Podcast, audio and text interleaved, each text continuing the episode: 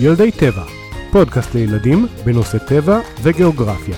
כתב ומספר, עמרי גלבר.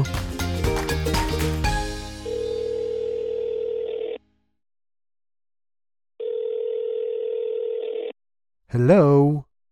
היי עמרי, אנחנו משפחת וינר מתל אביב, מאזינים ותיקים, וחשבנו להציע רעיון לפרק. ברור, אתם uh, בראל, עידו, בועז, אלי, יואל וגל מתל אביב, נכון? על מה, על מה חשבתם לספר? אז אני עבדתי באוניברסיטה כמה שנים עם אצות, וחשבתי שזה נושא שיכול לעניין את הילדים.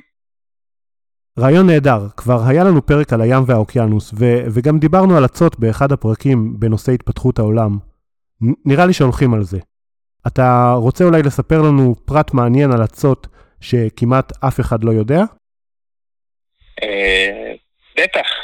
אצות הן אה, יצורים מאוד קשוחים שיכולים לחיות כמעט בכל מקום שיש בו מים ושמש. ולכן, כשישגרו אנשים למשימות ארוכות בחלל, כנראה שאצות יהיו אחד ממקורות המזון החשובים של האסטרונאוטים. וואלה, מרתק מאוד, נשמע מעניין. אה, ואם אצות, אה, אם האצות הגיעו לחלל, אנחנו בילדי טבע בטח נעשה על זה פרק.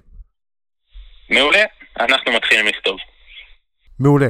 אז נדבר עוד שבוע. היי ילדים, מה שלומכם? היום יש לנו פרק מיוחד לכבוד הקיץ והים. פרק על יצורים שלפעמים נראים קצת כמו צמחים, ואנו פוגשים אותם בעיקר בים. מישהו מנחש? אצות. עכשיו, אתם בטח חושבים שאתם יודעים מהי אצה. זה הירוק הזה שעוטפים איתו סושי או זורקים אחד על השני בים. למה צריך על זה פרק? אז מסתבר שהאצות היו, והן עדיין, חלק מאוד חשוב מהחיים בכדור הארץ, ובהחלט מגיע להם פרק.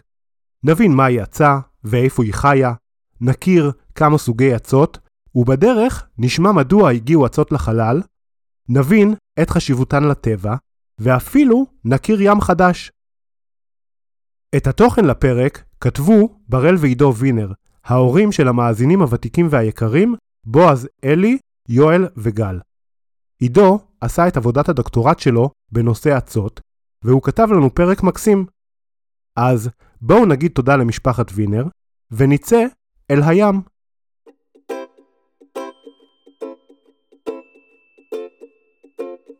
בניגוד למה שרבים חושבים, רוב סוגי האצות אינם צמחים, ואין להן שורשים או גבעולים. האצות יודעות לנצל את אנרגיית השמש, ויחד עם מים ופחמן דו-חמצני, הן מייצרות לעצמן סוכר, שזה בעצם המזון שלהן. בתהליך, כתוצר לוואי, נפלט חמצן, ממש אותו חמצן שאנו נושמים. תהליך הפוטוסינתזה הוא מן התהליכים החשובים ביותר בקיום מערכת החיים בכדור הארץ. ומי אחראי על ביצוע 70% מהפוטוסינתזה בעולם? האצות כמובן. האצות יכולות להיות יצורים חד-תאיים קטנטנים, כל כך קטנים שניתן לראותם רק תחת מיקרוסקופ. לעומת זאת, יש אצות שיכולות להגיע לגודל של עץ, כמו למשל אצת הקלפ, שעוד נשמע עליהן בהמשך. ואיפה אצות חיות? האצות חיות בכל מקום שיש בו מים ושמש, שזה לא מעט מקומות בעולם. תזכרו שמעל 70% מהעולם נמצא מתחת למים. אפשר למצוא אותן מתחת לקרח באנטארקטיקה, בים הפתוח, בשלוליות בוץ, בבריכות שלא שמים בהם כלור, באגמים, ואפילו במדבר. שם, אצות קשוחות במיוחד מנצלות חלון הזדמנויות של דקות בודדות לביצוע פוטוסינתזה. ועם הזריחה, בתוך טיפת טל מהלילה, הן גדלות.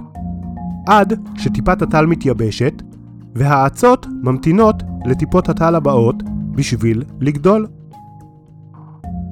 יופי, הבנו מה הן אצות ואיפה הן חיות. בואו נכיר כמה חברים נכבדים מקבוצת האצות. האצות הכחוליות, האצות הירוקיות, האצות החומיות והאצות האדומיות.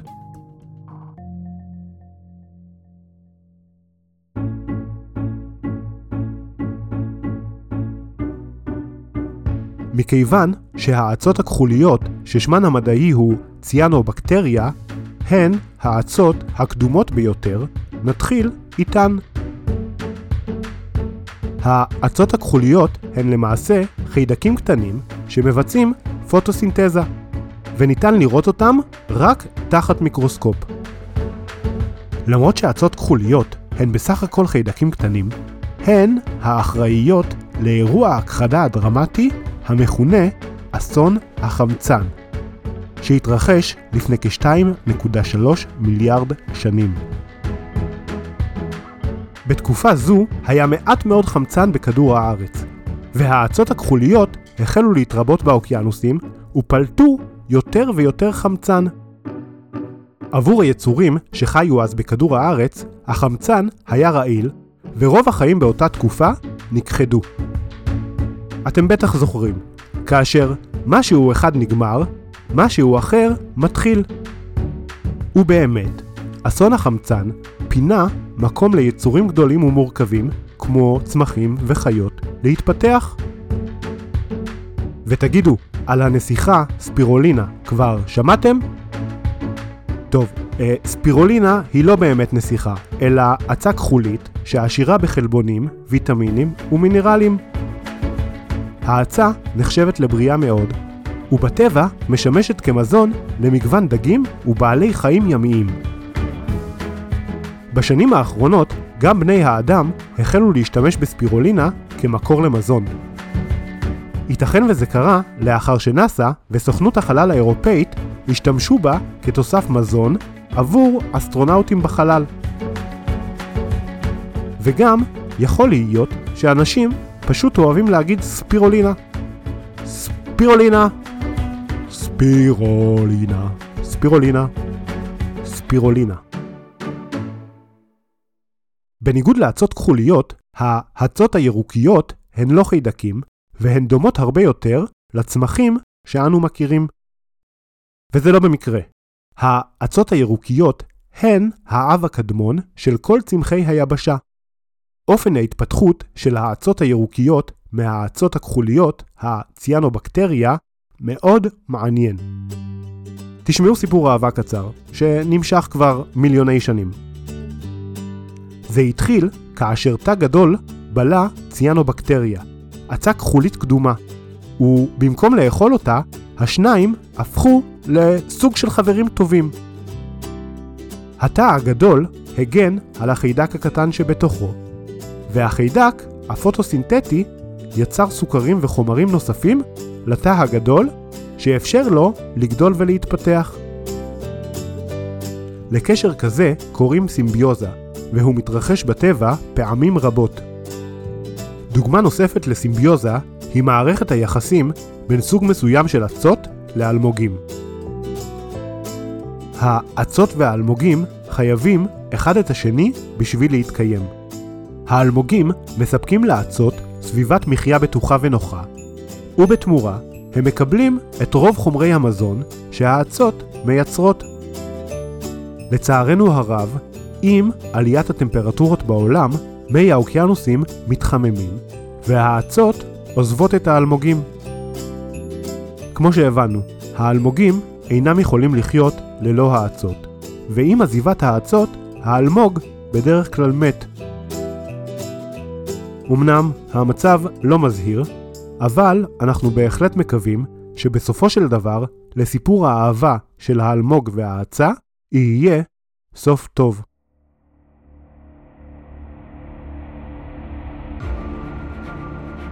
כאשר מגלה הארצות המפורסם, כריסטופר קולומבוס, הגיע למים הכחולים העמוקים של צפון האוקיינוס האטלנטי, הוא חשב שהוא קרוב מאוד ליבשה. אחרי הכל, הוא ראה כמויות אדירות של אצות חומות על פני המים. הוא כינה אותם בפשטות עשבייה. לצוות הספינה היו מחשבות אחרות. הם חששו שהאוניות שלהם הסתבכו באצות והם לעולם יישארו בים. קולומבוס טעה, לא בפעם הראשונה, ולמזלו טעה גם צוות האונייה. הם לא התקרבו לחוף, ואוניות אינן יכולות להיתקע בסבך האצות. הם הגיעו לים סרגוסו. גם אני לא שמעתי עליו לפני הפרק הזה. בניגוד לימים אחרים, את ים סרגוסו לא מקיפה יבשה. ים סרגוסו נמצא בלב האוקיינוס האטלנטי, והוא מוקף בארבעה זרמי ים. תופעה זו גם מסבירה את כמות הזבל, בעיקר פלסטיק, שמצטבר שם. אבל זה כבר לפרק אחר. ובחזרה לאצות. ים סרגוסו קרוי על שם אצת הסרגוסום, בקבוצת האצות החומיות. וכמו שאתם בטח מנחשים, אם קראו לים על שם אצה, בטח יש המון ממנה. ואתם מאוד צודקים, יש ים של אצות. אפשר לחשוב על האוקיינוס המקיף את ים סרגוסו כמדבר, ועל ים סרגוסו כנווה מדבר שוקק חיים. וזה בזכות אצות הסרגוסום. נציגה מפורסמת נוספת של האצות החומיות היא אצת הקלפ, שמזכירה עץ ויכולה להגיע לגובה של 50 מטרים. אצות הקלפ גדלות בים בצפיפות כמו ביער ענק, ויוצרות אזורים מוגנים ועשירים, בהם חיים ומתרבים מיני דגים רבים, חסרי חוליות ויונקים ימיים. האצות האדומיות סוגרות את נבחרת האצות לפרק זה. אבל יש שיגידו שזו קבוצת האצות החשובה ביותר.